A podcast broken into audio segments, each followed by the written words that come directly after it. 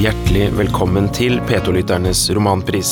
Nei, vet du, jeg, jeg forelska meg i den. Jeg syns det var nydelig eh, beskrevet. Jeg tenker jo at til P2-lytternes romanpris, så, så, føler jeg nesten at den er diskvalifisert. Så, så burde denne boka få romanprisen bare av den grunn, tenker jeg. Det var nesten en slags reise, da, og, og fra jeg fikk boka til Den ga meg ingenting. Den fanga meg ikke i det hele tatt. Dette må vi faktisk regne på.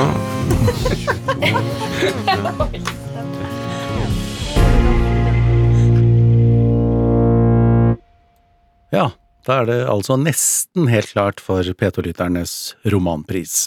I over 20 år har NRK samlet dedikerte P2-lyttere og bokelskere fra hele landet for å diskutere seg frem til fjorårets beste norske roman. De seks bøkene som står på spill, er forhåndsnominert etter lange og harde diskusjoner i NRKs litteraturredaksjon. Den første runden starter i dag, der følgende tre bøker skal diskuteres. Jens M. Johanssons lavterskeltilbud, Maja Lundes Pesjevalskis hest og Jon Fosses Det andre navnet.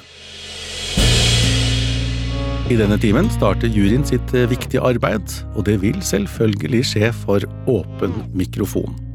Mitt navn er Arild Jonsjord, jeg er produsent for årets romanpris, og før vi lar juryen tre inn i det gamle, ærverdige radiohuset på Marienlyst for å starte sitt viktige arbeid, skal jeg introdusere dere for hvert enkelt jurymedlem. Jeg heter Jonas Otneim. Jeg kommer fra Volda, jeg er 21 år gammel og er student.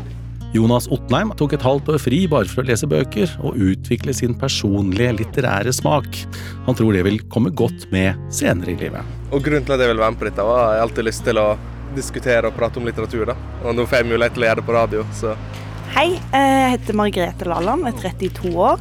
Margrethe Laland er oppvokst på Jæren og bosatt i Oslo, der hun jobber med bistand og utviklingsspørsmål. Margrethe meldte seg til juryarbeidet fordi hun liker radio og elsker bøker. Jeg ville veldig gjerne være med på det her, fordi jeg hadde lyst til å begynne å lese mange bøker igjen, og det klarte jeg. Njål Johansen kommer fra Bergen, 54 år gammel, lektor i historie og samfunnsfag. Njål velger ofte romaner pga. sidetallet. Han mener det skal mye til å lage noe virkelig stort som er lenger enn 200-300 sider. Jeg ble med fordi det var en artig måte å få lest seks nye bøker på. Ragnhild Aasen Jacobsen er 49 år og kommunikasjonsrådgiver i en fagforening.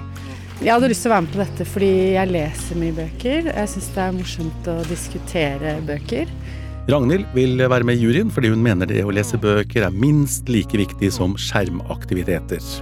Stein Gramstad er 64 år og bor på Ustaoset. Han er pensjonist, men har tidligere jobbet som pedagogisk psykologisk rådgiver. Uh, og grunnen til at jeg har lyst til å være med på dette, er jo fordi jeg syns alltid det er litt spennende med nye ting. Og så liker jeg å lese bøker og liker å snakke om dem etterpå. Stein oppgir at han er en svært grundig leser. Han kan derfor godt finne flere vesentlige momenter i en roman som raskere lesere ofte går glipp av. Eh, Siril Veiåker Nilsen, 43 år, snart 44, eh, fra Mosjøen. jobber som driftsleder ved Veitrafikksentralen.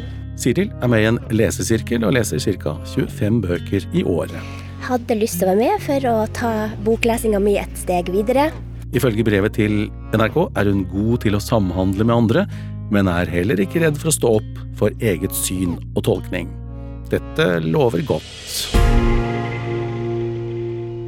Og da er vi klare for å gå videre og inn over terskelen til Radiohuset.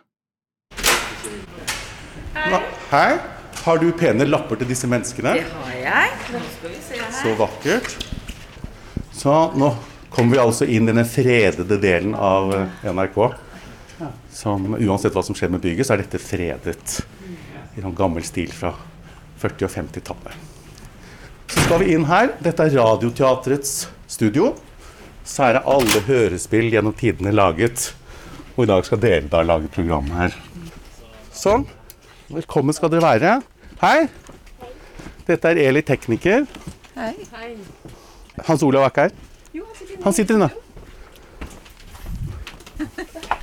Hallo. Hei. Hei. Ragnhild. Hans Olav, hyggelig. Velkommen. Takk. Siril. Hans Olav. Hei, Margrethe. Hei, Stein. Njål. Jonas. Hans Olav, hyggelig. For en gjeng. Det er jo helt overveldende. Utrolig bra. Du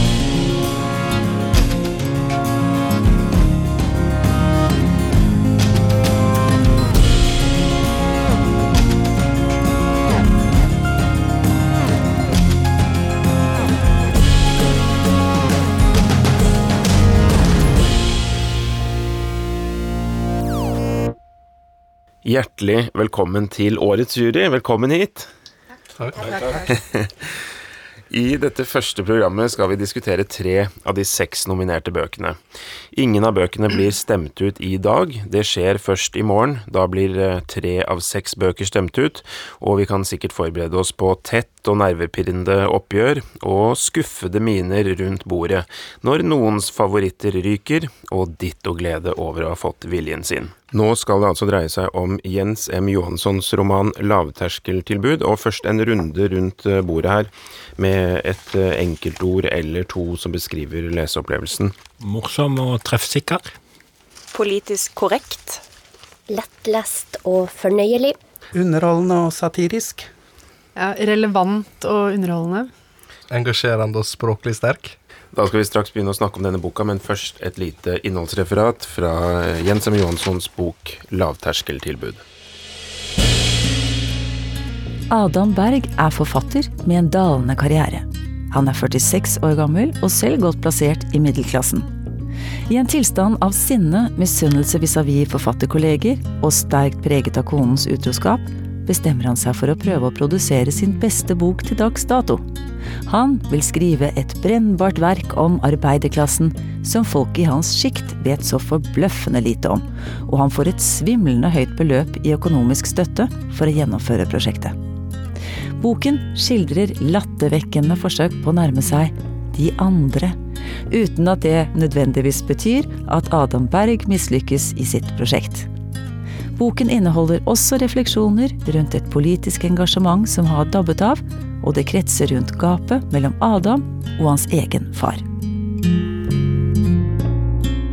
Margrethe, er denne romanen politisk korrekt på den gode eller dårlige måten? Det var vel eh, Nei, det var politisk korrekt spørsmålstegn.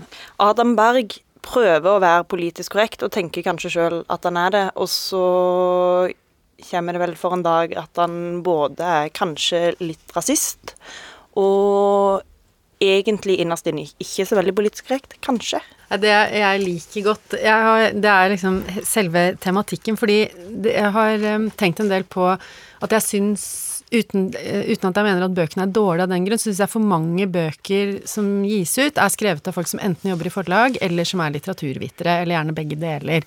Og da har jeg tenkt litt over liksom, hvor blir det av de andre? Uh, så, så jeg syns det er veldig sånn godt spotta, da, at, uh, at, det er liksom litteraturen nå til dags domineres av sånne folk som han, og som antagelig forfatteren sjøl er sånn, og så lager han en slags metahistorie om en annen forfatter som egentlig Ja. Så jeg, jeg liker veldig godt Jeg mener at det er veldig relevant, da, og en slags litteraturkritikk i den boka. Det syns jeg faktisk er noe av det som jeg likte i romanen. At han stiller spørsmål ved alle oss som går rundt eh, på Grünerløkka og drikker caffè latte, på en måte. Han setter jo fingeren på en sånn type samfunns... Eh, hva skal du si? Elite er kanskje ikke, men en, en I hvert fall en sånn Oslo-gjeng som lever et sånt liv som han gjør. Og det er jo morsomt at det har kommet i boksform, en sånn slags kritikk av dem.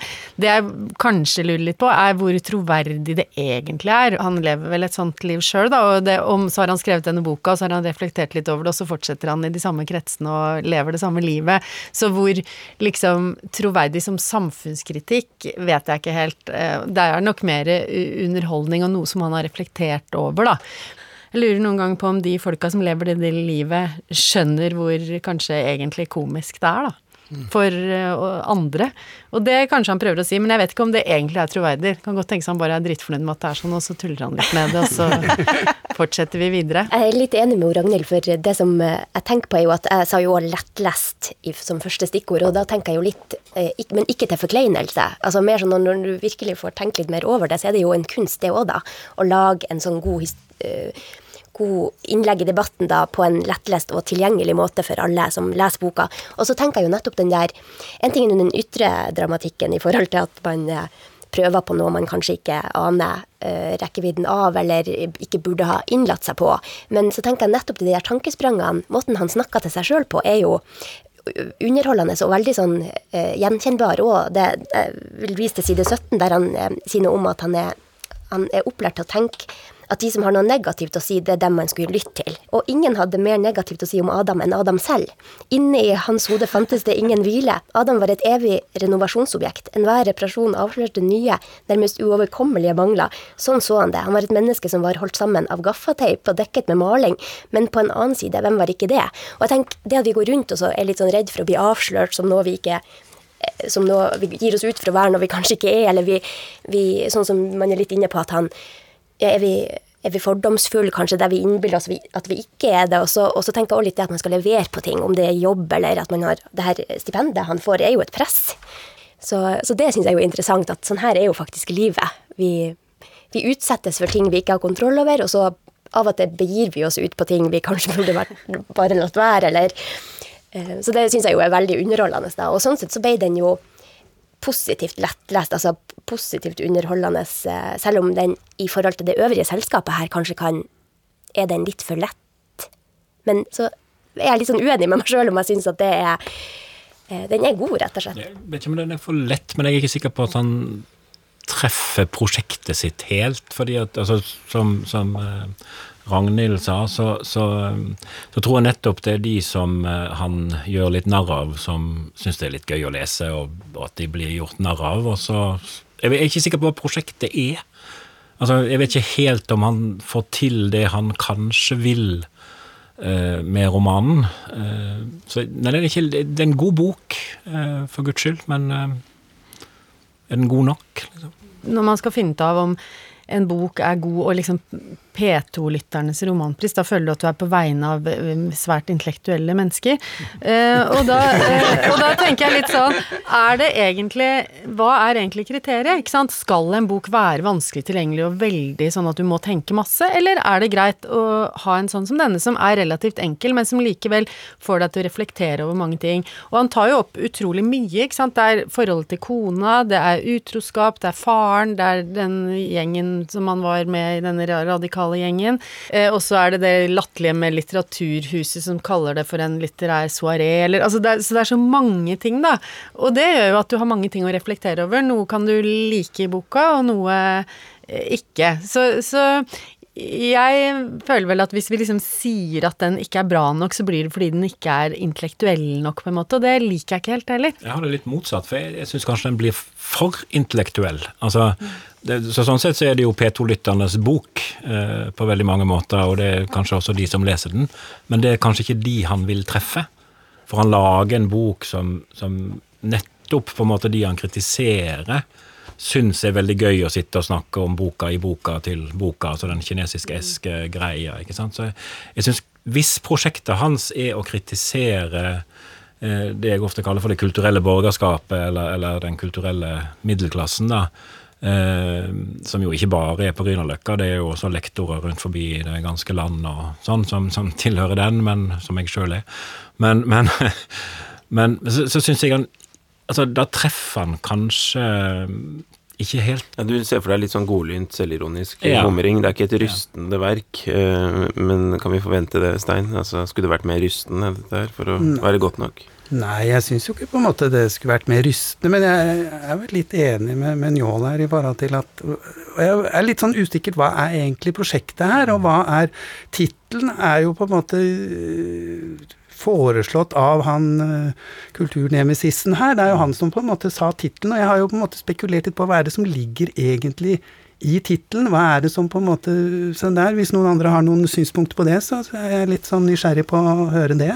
Ja, for den skjønner ikke jeg, rett og slett, tittelen. Mm. Eh, Den gir meg ikke noe knagg inni boka. Så enig med deg der, eh, Stein. Jeg har tenkt at det hadde vært en veldig god tittel på den boka han skriver i boka. Og den boka kunne jeg godt tenkt meg å lese. altså den om, om eh, si, de ulike varene på Kiwi. Altså, jeg ville nesten heller ha lest den, for å si det sånn. Ja. Siril, eh, denne eh, patetiske, dette patetiske forsøket på å nærme seg arbeiderklassen av en eh, til tider patetisk fyr, blir det likevel en god roman som ikke er patetisk? Ja, det tenker jeg det er, for det er jo kostelig. Og så tenker jeg jo òg litt den der det å sette seg sjøl over andre, eller så har man egentlig nok med det man roter til i sitt eget liv, eller det man kaver med. Og man er ikke noe bedre enn de som befinner seg på en annen plass, eller det er ikke noe Det er kanskje til og med bedre og mer et enklere liv, da, å jobbe på Kiwi og ha det bra med de man eh, etablerer seg med osv. kan være lykken i livet, det. Så jeg tenker det er et godt bilde på at hvor enn du befinner deg hen i samfunnslagene, eller om det er nord eh, du bor, eller om det er på østkanten, eller Så er det jo nettopp eh, Oppskrifta ligger ikke nødvendigvis i å eh, heve seg over eller tenke at ja, den ligger mer opp i dagen enn som så. Og akkurat det at hver enkelt kan ha det vel så bra på et annet nivå i syns jeg jo er underholdende beskrevet, der han faktisk har nok med seg sjøl øh, oppi det hele. Og så syns jeg dialogene er veldig bra skrevet. Jeg har ikke noen sånn konkret eksempel men det var når jeg leste boka, så var det sånn Jeg forsto alt som ble sagt, og klarte å, å, forstå det på en veldig sånn som det var en dialog jeg var i. Og så det virker nesten som han har opplevd alt dette sjøl, da. Og så syns jeg det er veldig vittig når kona driver og langer ut mot vestlendinger som leser Dag og Tid. Fordi jeg er en vestlending som leser Dag og Tid. Og, og da blir det Ja, for meg var dette en stor leseopplevelse pga. alle identifikasjonsmarkørene. da. Han har noen sånne veldig sånn korte formuleringer som gjør at han får sagt veldig mye. Jeg har et, et eksempel på det når han på en måte føler at han er liksom helt ja, ikke noe verdt i forhold til han kulturnemndistessen som heter Frank Durban her, da. Og da skriver han jo at um, Eh, at det snart var som Adam knapt hadde eksistert. Han sto ikke bare igjen på perrongen, stasjonen var nedlagt. Og jeg syns akkurat der får han sagt veldig mye om hva er det Adam egentlig opplever, når han da sammenligner seg med denne her forfatteren som har lykkes. Så det er jo en, en sår beskrivelse av en person som egentlig ikke syns han hører hjemme noe sted. Det er vel litt sånn, litt for å følge opp det Stein sa, om at han ikke føler seg tilpass uh, og dette her, men òg at når han på en måte går til psykologen, som han òg skulker uh, Kiwi-jobben for å gjøre en gang, uh, eller sier vel at dattera er sjuk, men når han sitter hos den psykologen, så er det liksom de svarte steinene, og at det, liksom, det er det han er opptatt av. Så når han skal sette ord på de tankeprosessene som Siril har referert til, så gjør han ikke det, men han sitter og ser på de svarte steinene og liksom Ja, akkurat som han um, Han blir bare inni sitt eget hode og sitt eget sinn uten egentlig prøve å ja, prate med Ja, snakke med psykologen. Så ja, litt sånn sårt. Jeg leste som han, jeg, han føler han ikke passer inn noen plass. At han bare passer ikke inn i det litterære miljøet fordi det er der uh, gjør han bare narr av folk. eller sånn, Han er veldig sjølironisk. Og så i Kiwi-miljøet så er han hva, Om han beskriver seg sjøl som for intellektuell, eller altså for og, Så da passer ikke han inn noen plass. Altså, da blir han en sånn, sånn krass, sjølironisk, uh, nesten sjølhatende mann som bare ja, gjør alt på trass, da.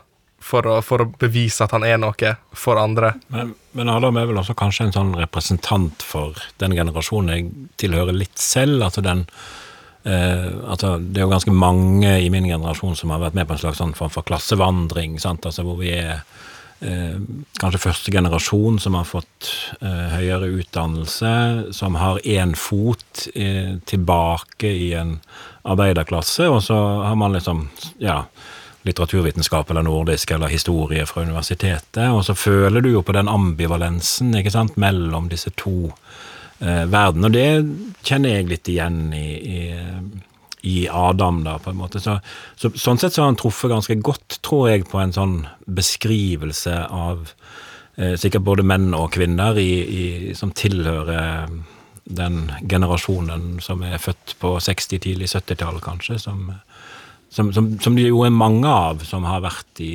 Altså har en sånn tilhørighet i begge leirer, men som derfor ikke finner seg til rette i noen av de.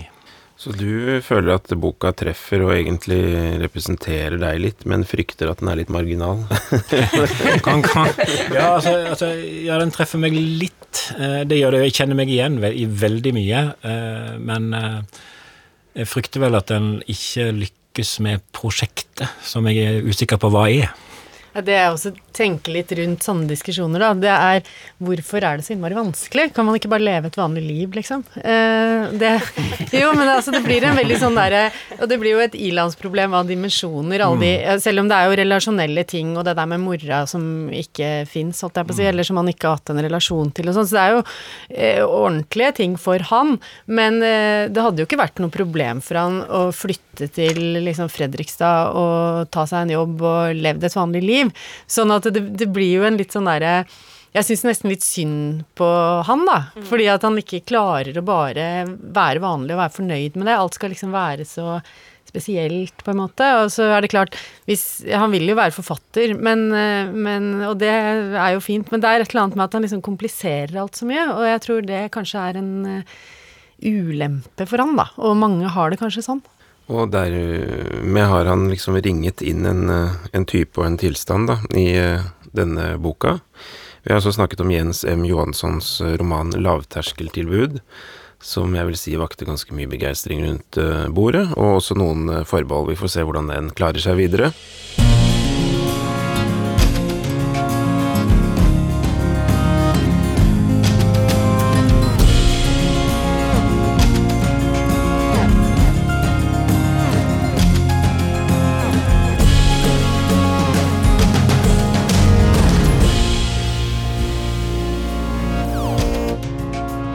Ja, Jonas. Som yngstemann, hvordan syntes du dette var, da?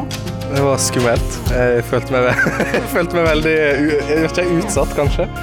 Hvordan utsatt da? Nei, Jeg følte sånn et prestasjonsnivå, kanskje. At eh, jeg har noe om å vise. da. Nei, jeg syns det er veldig Det funker jo veldig bra. Det er liksom morsomme samtaler. Og vi mener jo ikke akkurat samme, selv om vi liksom er enige på noen områder. Så jeg syns det er interessant. Og det kommer jo Jeg har jo min mening, men det forandrer seg jo litt. Fordi det andre har lest på en annen måte, og da tenker jeg litt over det. Det var kjempespennende. Det var, vi hadde jo både et lik, lik oppfattelse, men også noen forskjeller som gjorde at det ble veldig spennende å diskutere boken.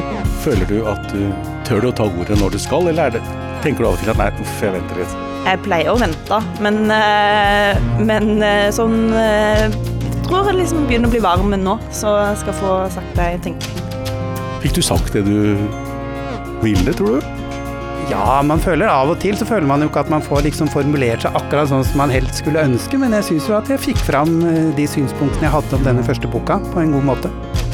Jeg tror jeg fikk sagt det jeg mener. Og så er det litt åpent da hva Om man egentlig da ender opp med å synes veldig, veldig, veldig godt om boka, eller om man mer tenker at i forhold til de andre så kanskje er det noe som ikke er helt landa da enda. Så det er jo litt artig da, at man fortsatt er det noe uforløst. Er det ikke deilig at vi har forskjellige meninger, vi mennesker? Helt fantastisk. Særlig når vi kan eh, møtes og diskutere. Men har du en klar favoritt blant de seks? Ja, jeg har det. En klar, men jeg har fire som det er helt greit vinner.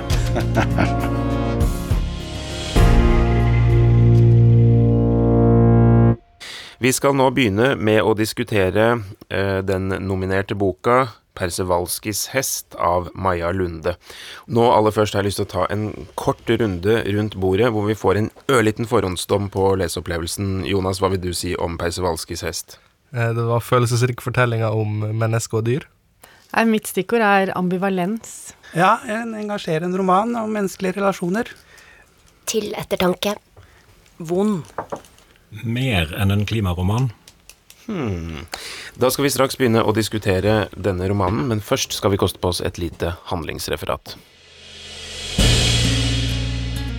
I denne boken følger vi skjebnen til villhestene på de mongolske stepper. De såkalte takiene, som ofte omtales med navn etter ham som får æren av å ha oppdaget hesterasen på slutten av 1870-tallet. Den russiske oppdageren Nikolai Prevalskij. Romanen foregår på tre tidsplan. En del finner sted fra 1881, der zoologen Mikael er hovedpersonen. Han får brakt til seg et skjelett som er funnet i Mongolia. Kan dette stamme fra urhestene som for lengst er utryddet? Dette blir utgangspunkt for en ekspedisjon der jakten på villhestene står for den ytre dramatikken, mens Mikaels identitetskamp er den indre. Etter hvert oppdages eksemplarer av arten, og snart forsynes vestlige dyrehager med slike hester. Boken skildrer veterinæren Karins arbeid for å tilbakeføre den nå antatt utryddede prevalske hesten til sitt naturlige habitat. I denne historien står det krevende forholdet mellom Karin og sønnen Mathias sentralt. Er hun, og har hun vært, en god nok mor for sønnen? Romanen inneholder også et fremtidsplan der handlingen er lagt til år 2064. Klimakrisen har ført til at Europa er i oppløsning, og vi møter Eva, som har forskanset seg på den øde gården sin sammen med datteren Isa. Det var altså et lite riss over eh, innholdet i den mangfoldige romanen Persjevalskis eh, hest. Og vi hørte jo i den korte runden rundt bordet her eh, Det mest oppsiktsvekkende jeg kunne høre, var at du, Ragnhild, syns at du hadde hatt en litt ambivalent leseopplevelse. Kan du fortelle hva det innebar? Ja, altså først så er det litt at jeg veit ikke helt om jeg liker den eller ikke. Altså jeg har liksom ikke bestemt meg om jeg syns det var en veldig god bok. Jeg må jo innrømme at eh, disse bøkene til Maja Lunde Jeg har klimaangst. Jeg har, jeg har, ikke hatt lyst til å lese dem, og jeg hadde liksom frykt for at jeg måtte lese denne. Så den, så den biten om eh, framtida, den eh, føler jeg liksom at jeg trenger den ikke. Den er så skummel og fæl, så det gir meg liksom ingenting. Så, mens den historien jeg liker best, er den fra 1800-tallet, som jeg syns er interessant og mye rikere i forhold til folk og det som skjer med den, ja, han, eh, Mikael og turen og alt det der. Og derfor så syns jeg det er vanskelig, fordi de tre delene er så ulike, da. Og derfor så vet jeg ikke helt, liksom. liksom når jeg skal lese ei bok, så er det ikke for å få mer av det jeg tenker på ofte i hverdagen. Og særlig ikke litt sånn kjip klimaendring, verden blir varmere, og vi utrydder masse arter og sånn hele tiden. Derfor så syns jeg det var litt vondt. For eksempel bare Eva som står på kjøkkenet, sant? og så har hun en tallerken med smuler på. Og så plukker hun og eter alle smulene på tallerkenen òg til dattera. Mens du tidligere, når det er Karin som står ved kjøkkenbenken, så bare kaster du dem ut. Og liksom Du spiser jo ikke smulene på tallerkenen. Det er en sånn gru og endring i samfunnet som bare kommer fram i, sånn, i mange detaljer. Så det, er sånn, ja, det var vondt.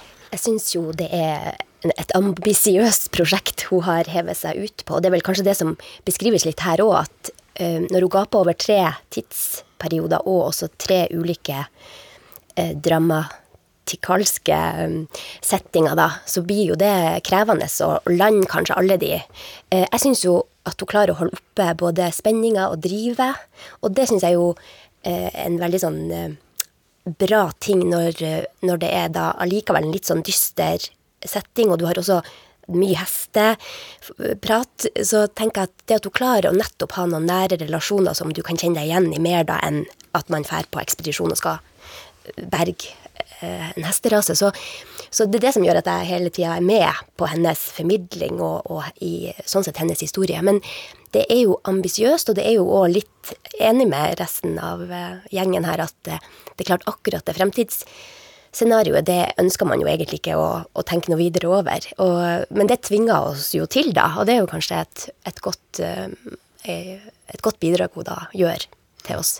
Ok, Så den dystopiske fremtidsvisjonen, den eh, er vi litt sånn passe fornøyd med så langt. Stein, du bor oppe på Ustadhuset i tett eh, samkvem med naturen, og har liksom dette prospektet hvor, hvor, artene utryddes i stor stil, appellerer det til deg? Jeg vet ikke om det er så mye hvor jeg bor, men, men jeg er vel litt sånn eh, enig med Ragnhild i forhold til at jeg syns at i og med at boka består av tre, tre deler, så har vel jeg også mest sans for de to første delene. Og jeg syns jo Maja Lunde er veldig god til å, å sette fokus på menneskelige relasjoner. Så, så jeg syns hun har gode beskrivelser på det. Jeg syns den er følelsesrik. Altså, jeg følte mye når jeg leste den, på alle tre nivå, eller alle tre historiene. Jeg likte for så vidt best um, de første to, eller de to tidligste, som er vel da om, om Karin og han Mikael. Uh, for den siste, den uh, ja, det er kanskje sånn som dere andre sier, det blir veldig tungt å lese, da. Eh, og håpe at det ikke blir sånn. Men jeg syns ikke det var så gale som Blå og Biens historie, da, kanskje. At denne her var på en måte et pust i bakken framfor de to første. Nå har ikke jeg lest de to foregående, men det bidrar jo ikke noe til Det er jo en sånn skremsel at Hvis man tenker at skremselpsykologi funker og får oss til å endre oss, så kan man alle sammen lese disse bøkene. Men det har, jeg gir jo ikke noe bidrag til hva skal vi gjøre? Altså det er jo ikke noe sånn eh, hvordan det, det reflekterer jo ikke over det livet vi lever som som er noe av årsaken til klimaendringen. Det er mer den da skremselpsykologien, og da kan man jo ha tro på eller ikke tro på om det får oss til å endre noe. Men så jeg syns ikke den den bidrar ikke noe til noe sånn samfunnsdebatt om hvordan vi lever og hva vi skal gjøre. Den bidrar til å skremme oss om at det er i ferd med å skje noe som er eh, dramatisk, og det kan hende at det er bra. Men jeg syns ikke det Som sagt, det har ikke noe bidrag i liksom politikken, i det vi driver med nå, hvordan vi skal endre oss som samfunn, da. Jeg er jo litt enig med Ragnhild. Jeg hadde også et veldig ambivalent forhold til boka eh, en stund, men så bestemte jeg meg for at jeg skal lese den som en mer en bok om relasjoner enn en bok om eh, en mulig forestående klimakatastrofe.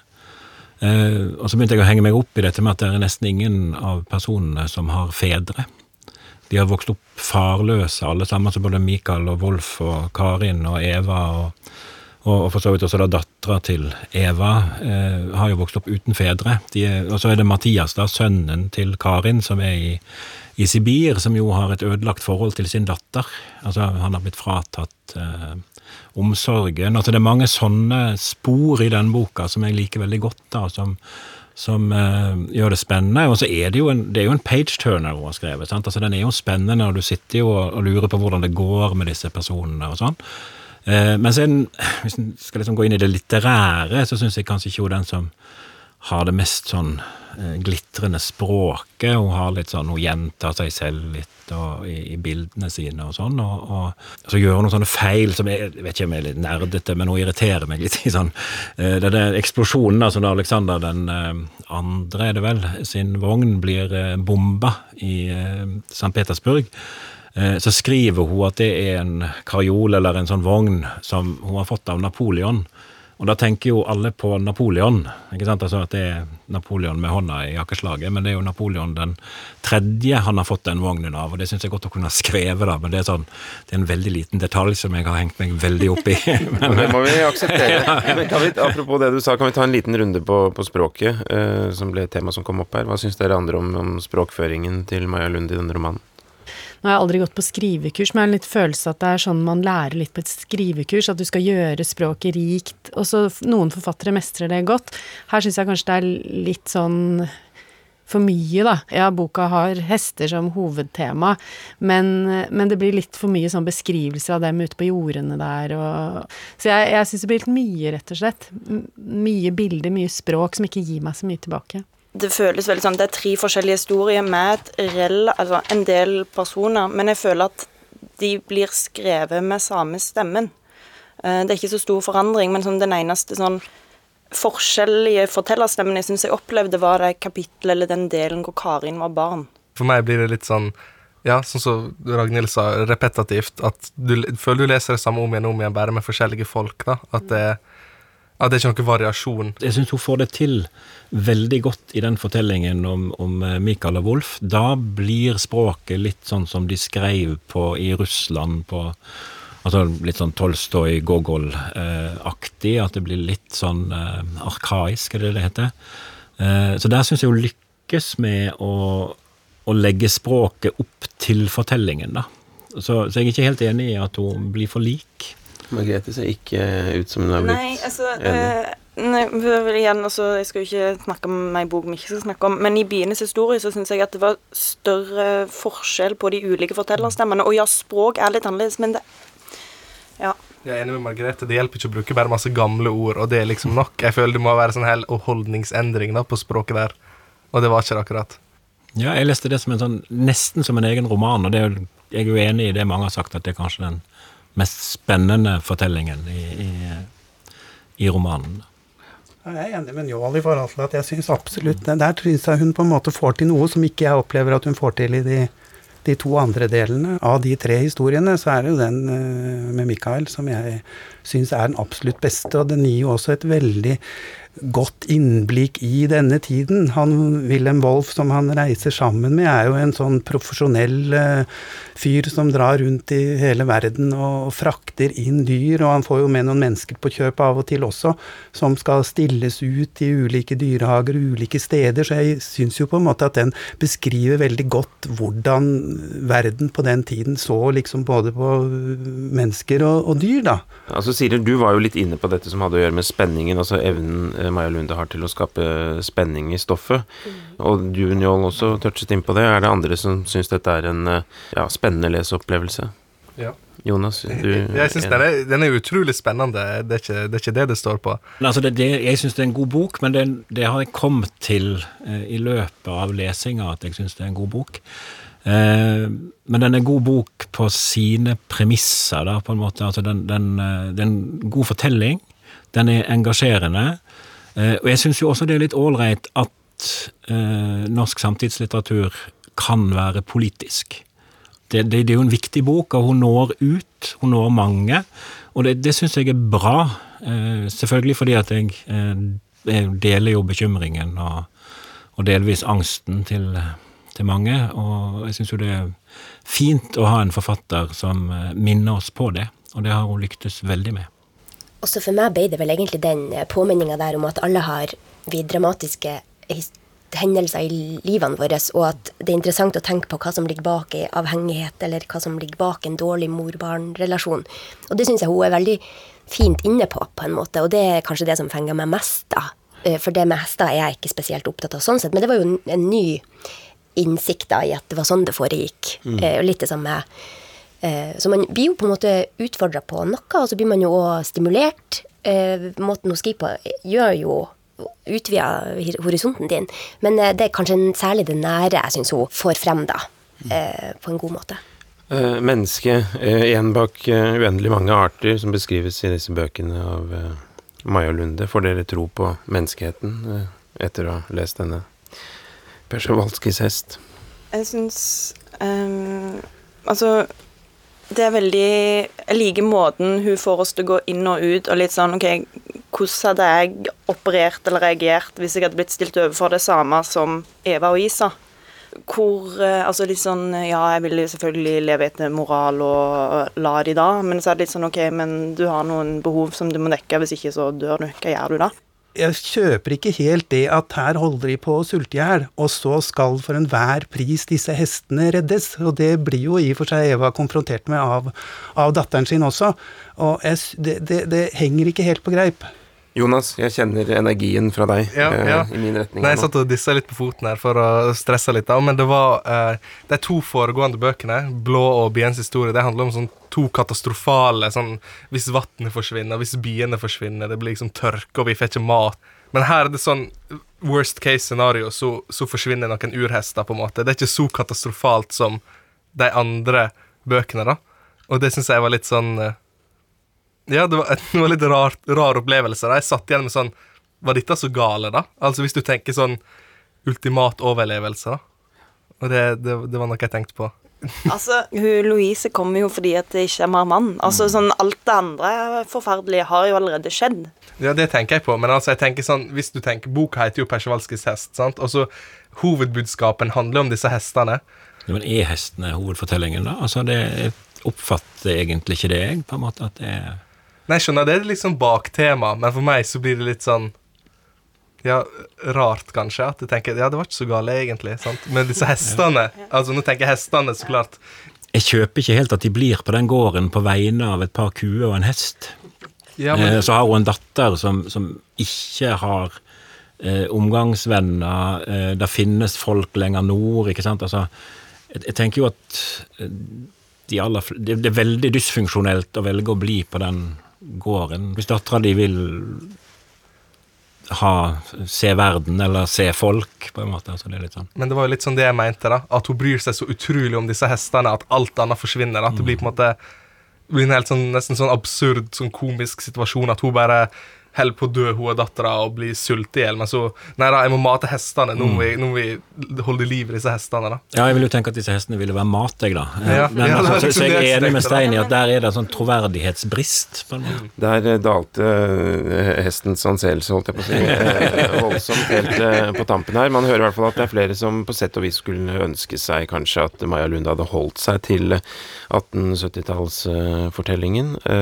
Det kunne blitt en god roman. Samtidig så er det åpenbart at hennes eh, fremtidsvisjon, som den kommer til uttrykk i denne romanen, også skaper stort engasjement. Så vi får se hvordan Persjevalskijs hest klarer seg videre i denne konkurransen, som det jo er, P2-lytternes romanpris. Vi er straks klare for neste bok ut.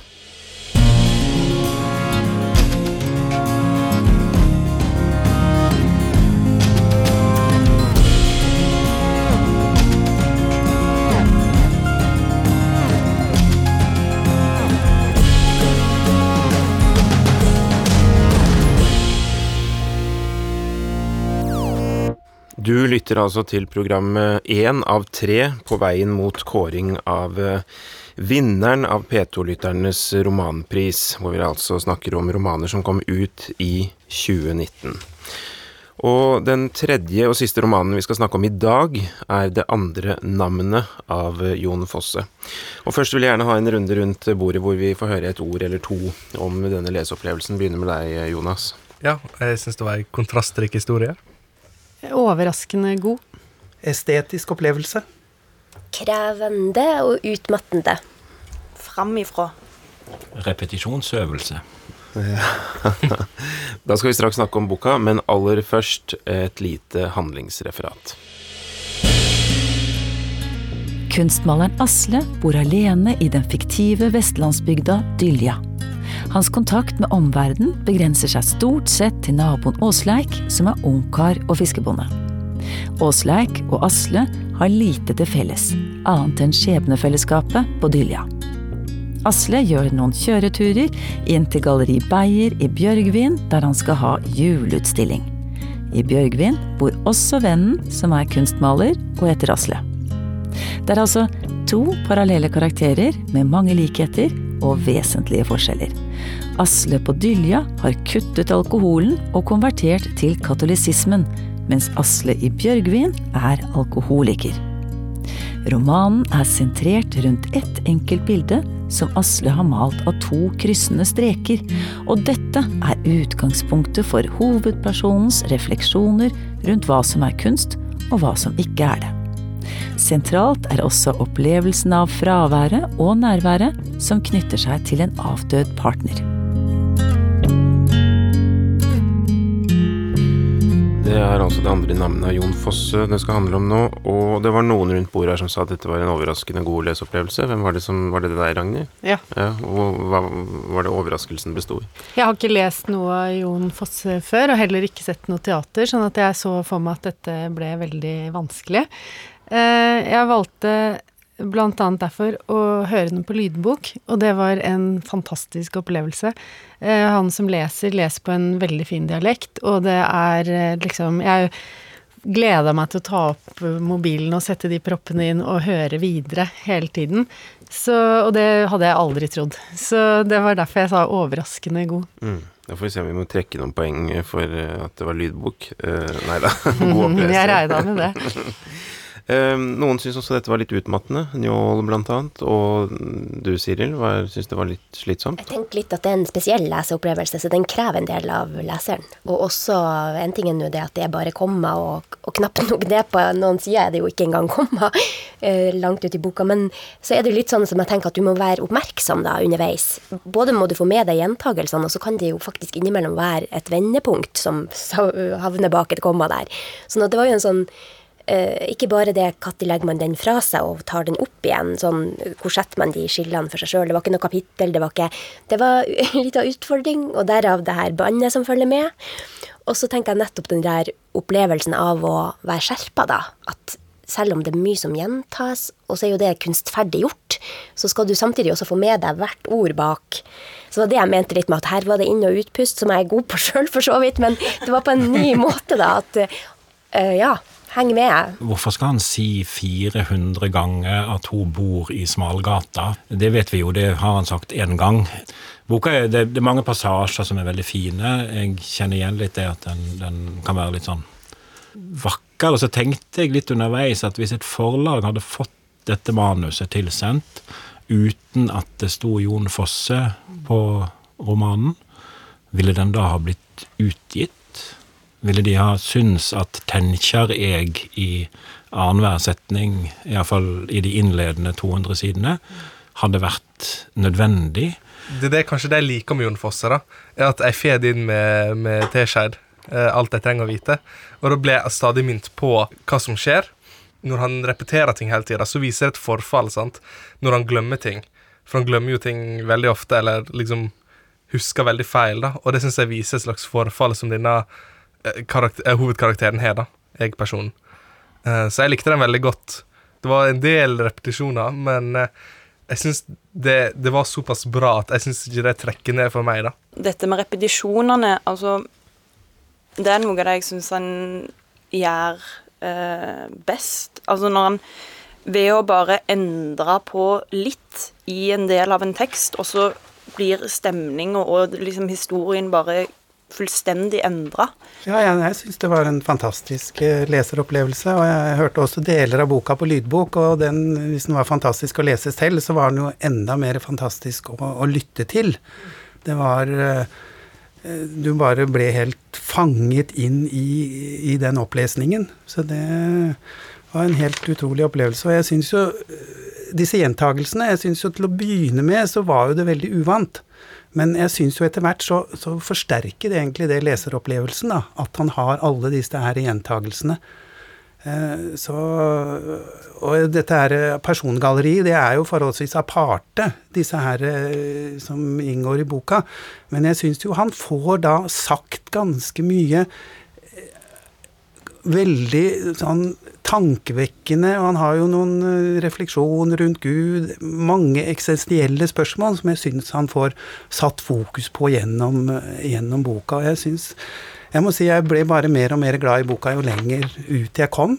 Så, og at det var en bok som eh, Det er vel den boka som har sittet lengst i etterpå også, så jeg syns Og jeg hadde ikke lest noe av Fosse tidligere, bortsett fra en barnebok som jeg leste for mange år siden, som het 'Dyrehagen Hardanger'.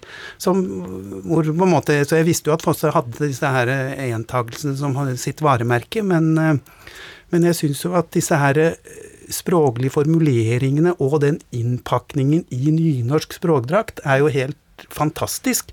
Og jeg kan nesten ikke skjønne hvordan den boka kan på en måte bli oversatt og ivareta på en måte den fantastiske leseropplevelsen ved å på en måte være på et annet språk. Altså, for jeg syns jo nynorsken er jo halve boka her.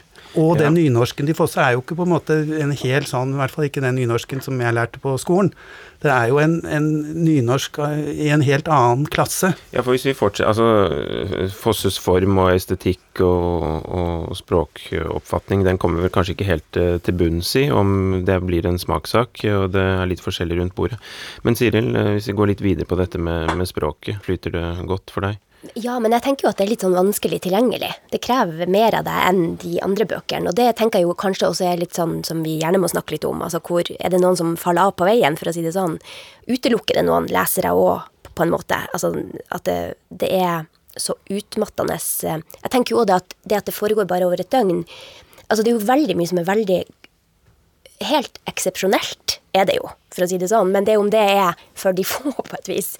Og jeg tenker ikke nynorsken i seg sjøl er noen utfordring for, for, for sånn, det, det, er vakkert. Altså, alt det er jo Og samme de her historiene og det dramatikken og det fæle som, som man får vite etter hvert. For meg, for meg, er det det som er Jon Fosse, da. At uh, alle repetisjonene Jeg har jo lest uh, en del fra før. Uh, eksempel dramastykket 'Noen kommer til å komme'. Det er jo bare en mann og en dame som sitter og snakker opp noen kommer til å komme. Og det er på en måte det, jo, det, handler jo om ingenting, men så handler det om så mye via at det handler om ingenting, at for meg så er det bare at denne boka her var bare veldig Jon Fosse at, at det ble bare utrolig gøy da, å lese. Det som er litt uklart for meg nå, er om dere syns dette er en knallgod bok, eller om den er overraskende bra. Uh, ref. et litt fordomsfullt utgangspunkt. Nynorskbrukerne uh, har vel meldt seg som meget lovveiende positive. Uh, Margrethe, Ja. stemmer ikke det? Ja. Er det noen andre som vil, vil flagge et tydeligere standpunkt? Jeg tror kanskje jeg skal være den ambivalente denne gangen. Siril, du holder på, på ambivalensen der, ja. En, hvis jeg kan si noe om det. Jeg har funnet ut at eh, hvis jeg liksom eh, skal tenke over en stund etter at jeg har lest en bok, om den er god eller ikke, eller om liksom, den har tatt meg, da, så, så hvis jeg liksom finner fram boka, og så gir det meg en følelse, da er den god. Og Ja, den er sånn. den er at sånn. jeg bare vet at det, den er en bok som ga meg noe inni meg som jeg ikke helt klarer å sette akkurat ord på. Eh, og det var blant annet det er en scene der som, som jeg nesten fortsatt får vondt i magen av, og som er veldig godt fortalt da, i mine ører gjennom den lydboka, og det er den eh, turen på stranda med disse ungene. Hvor jeg er helt sikker på at hun datter, nei, søstera kommer til å drukne. Og hvor jeg bare går og gruer meg til at det skal skje. Eh, ikke sant? Og jeg hørte jo da også mens jeg var ute og gikk tur, og jeg liksom gikk der og bare tenkte uff, la oss komme over, la oss bli ferdig med den vonde scenen, og så ender det jo annerledes. Og den liksom sitter sånn i meg, da, den eh, frykten jeg hadde for at hun skulle drukne, og så skjedde ikke det. Så, og det bare viser at det er en utrolig god fortelling, da, fordi den gikk så veldig inn på meg, liksom. Jeg syns ikke de repetisjonene eh, har den effekten som, som de kanskje Jeg syns det er masse flotte historier i den. Eh, jeg synes også den er på, på Jeg var helt sikker på at nå drukner hun, eller altså, nå, altså, og ble litt sånn Huff, det gikk bra. Sant? Altså, så, så siste delen liker jeg egentlig Men skulle du liksom ønske at Ole Paus sang med penere stemme? Altså Nei, nei, nei, nei, nei, men altså man kan jo velge om man liker Ole Paus eller Bob Dylan. Og, og for meg, så, og det er nok en smakssak, så, så er det mye i denne boka jeg eh, liker. Men det er også nok her som gjør at jeg kommer ikke til å løpe og kjøpe de er det fem neste som står igjen, på en måte. ikke sant? Det blir for mye repetisjon for meg. Noe av det som jeg eller sånn, syns er veldig fint i boka, er måten sorgen og savnet etter kona Ales blir behandla, eh, og kommer fram og egentlig gjennomsyrer, føler jeg, hele historien. Og eh, ganske tidlig så ser Asle fra Dulja, et ungt par på en legeplass, som har den samme frakken, og så kommer det jo litt sånn at det er han som ser seg sjøl ung, eh, sammen med Alice. Og jeg bare syns at det er helt ja, fantastisk fint gjort. Eh, og liksom den eh, den smerten som, som han Som liksom bare ligger liksom litt sånn under hele romanen. Og, ja. Ja, det er jo en Apropos nøkkelscener, så er jo det en nøkkelscene i denne romanen som vi gjerne dveler litt eh, ved. Er det flere rundt bordet som har merket seg, seg Ja, den? jeg har sett den, og så har jeg egentlig tenkt at dette er jo altså For det, det er jo Er det en drømmesekvens, eller er det ikke en drøm? Altså, men, men hele boka kan jo eh, oppfattes som en slags Altså Finnes denne kunstmaleren Asle i byen, eller er han på en måte Asle hvis han hadde blitt boende i byen? Og det er jo spørsmålet er det, er det to personer, eller er det en og samme person? Og hvis man trekker litt paralleller, så har vel Jon Fosse har vel eh, drukket en del tidligere, og så har han sluttet å drikke nå. Sånn at eh, er dette her noen paralleller med, med eget liv og, og, og sånn? Så, og det er jo egentlig mye av det som skjer i boka er jo et spørsmål er dette noe som virkelig skjer, eller foregår det mest inni hodet til eh, Asle, da. Så jeg er litt usikker på, på denne her eh, Asle i byen, da. Om, om han egentlig er en, en virkelig person. Jeg tenker at det er to mulige utfall av et liv. Om det er Jon Fosse sitt liv, det, det vet jeg ikke, men han har jo også konvertert til katolisismen. Sånn. Så, men, men at det er på en måte Det kunne gått sånn, det kunne gått sånn. Og om noen av de i det hele tatt eksisterer, det er jo litt i det blå. Jeg var veldig sånn, tenkte at eh, det var samme person, men så kom denne hunden, da. Og så var det sånn, nei, men søren, det er jo en hund, da må det jo være en Asle til, Ja, Den måte. varianten fikk hun. Ja. Nei, men, ja, men da møttes de på en måte. Altså, jeg følte det var veldig sånn at eh, Asle Dulja tenkte på Asle Bjørgvin, og så Og så brått så ble det ordentlig. Men det kan jo også ha vært at dette faktisk har skjedd, da, før. Ikke sant, med han før han slutta å drikke, Mm. og så var det en, ingen som redda hunden hans. Mm. Altså, men at han da Mm. på en måte gjennom denne tankesaken eh, redder den hunden som kanskje døde, eller som kanskje et eller annet. Sånn at det, noen ganger så kan man få en følelse av at, det, at han hjelper seg sjøl, da. Men jeg tenker jo også det at han da har eh, Den ene Asle har da opplevd det han har, som viser seg mot slutten, uten å røpe for mye. Så det er jo òg litt sånn Ja, hvorfor drikker Jeppe? Eh, ikke sant? At du, du kan òg her tenke litt på hva er det vi blir utsatt for gjennom livene våre eh, fra tidlig barndom, kanskje, og hva er det da som preger en. Og det tenker jeg den der preginga, eller de der pregingene han gjør av seg sjøl, er jo også sånn interessant at han snakker til seg sjøl. Eh, når vi står oppi vanskelige ting, så så er det vel nettopp da vi snakker til oss sjøl, men hvor kjapt vi kommer til den rette konklusjonen. Ja, jeg fær. Det er et eller annet som ikke stemmer, og jeg må rykke ut. For det er jo litt sånn underholdende også det at han Når det blir så omstendelig, lite effektivt, for å si det sånn, så blir det jo en sånn uh, Nettopp når da man er i den der tilstanden hvor, hvor kan man si til seg sjøl hvordan man kommer seg ut av den gjørma på en måte, da, og gjør det rette, det man burde gjøre.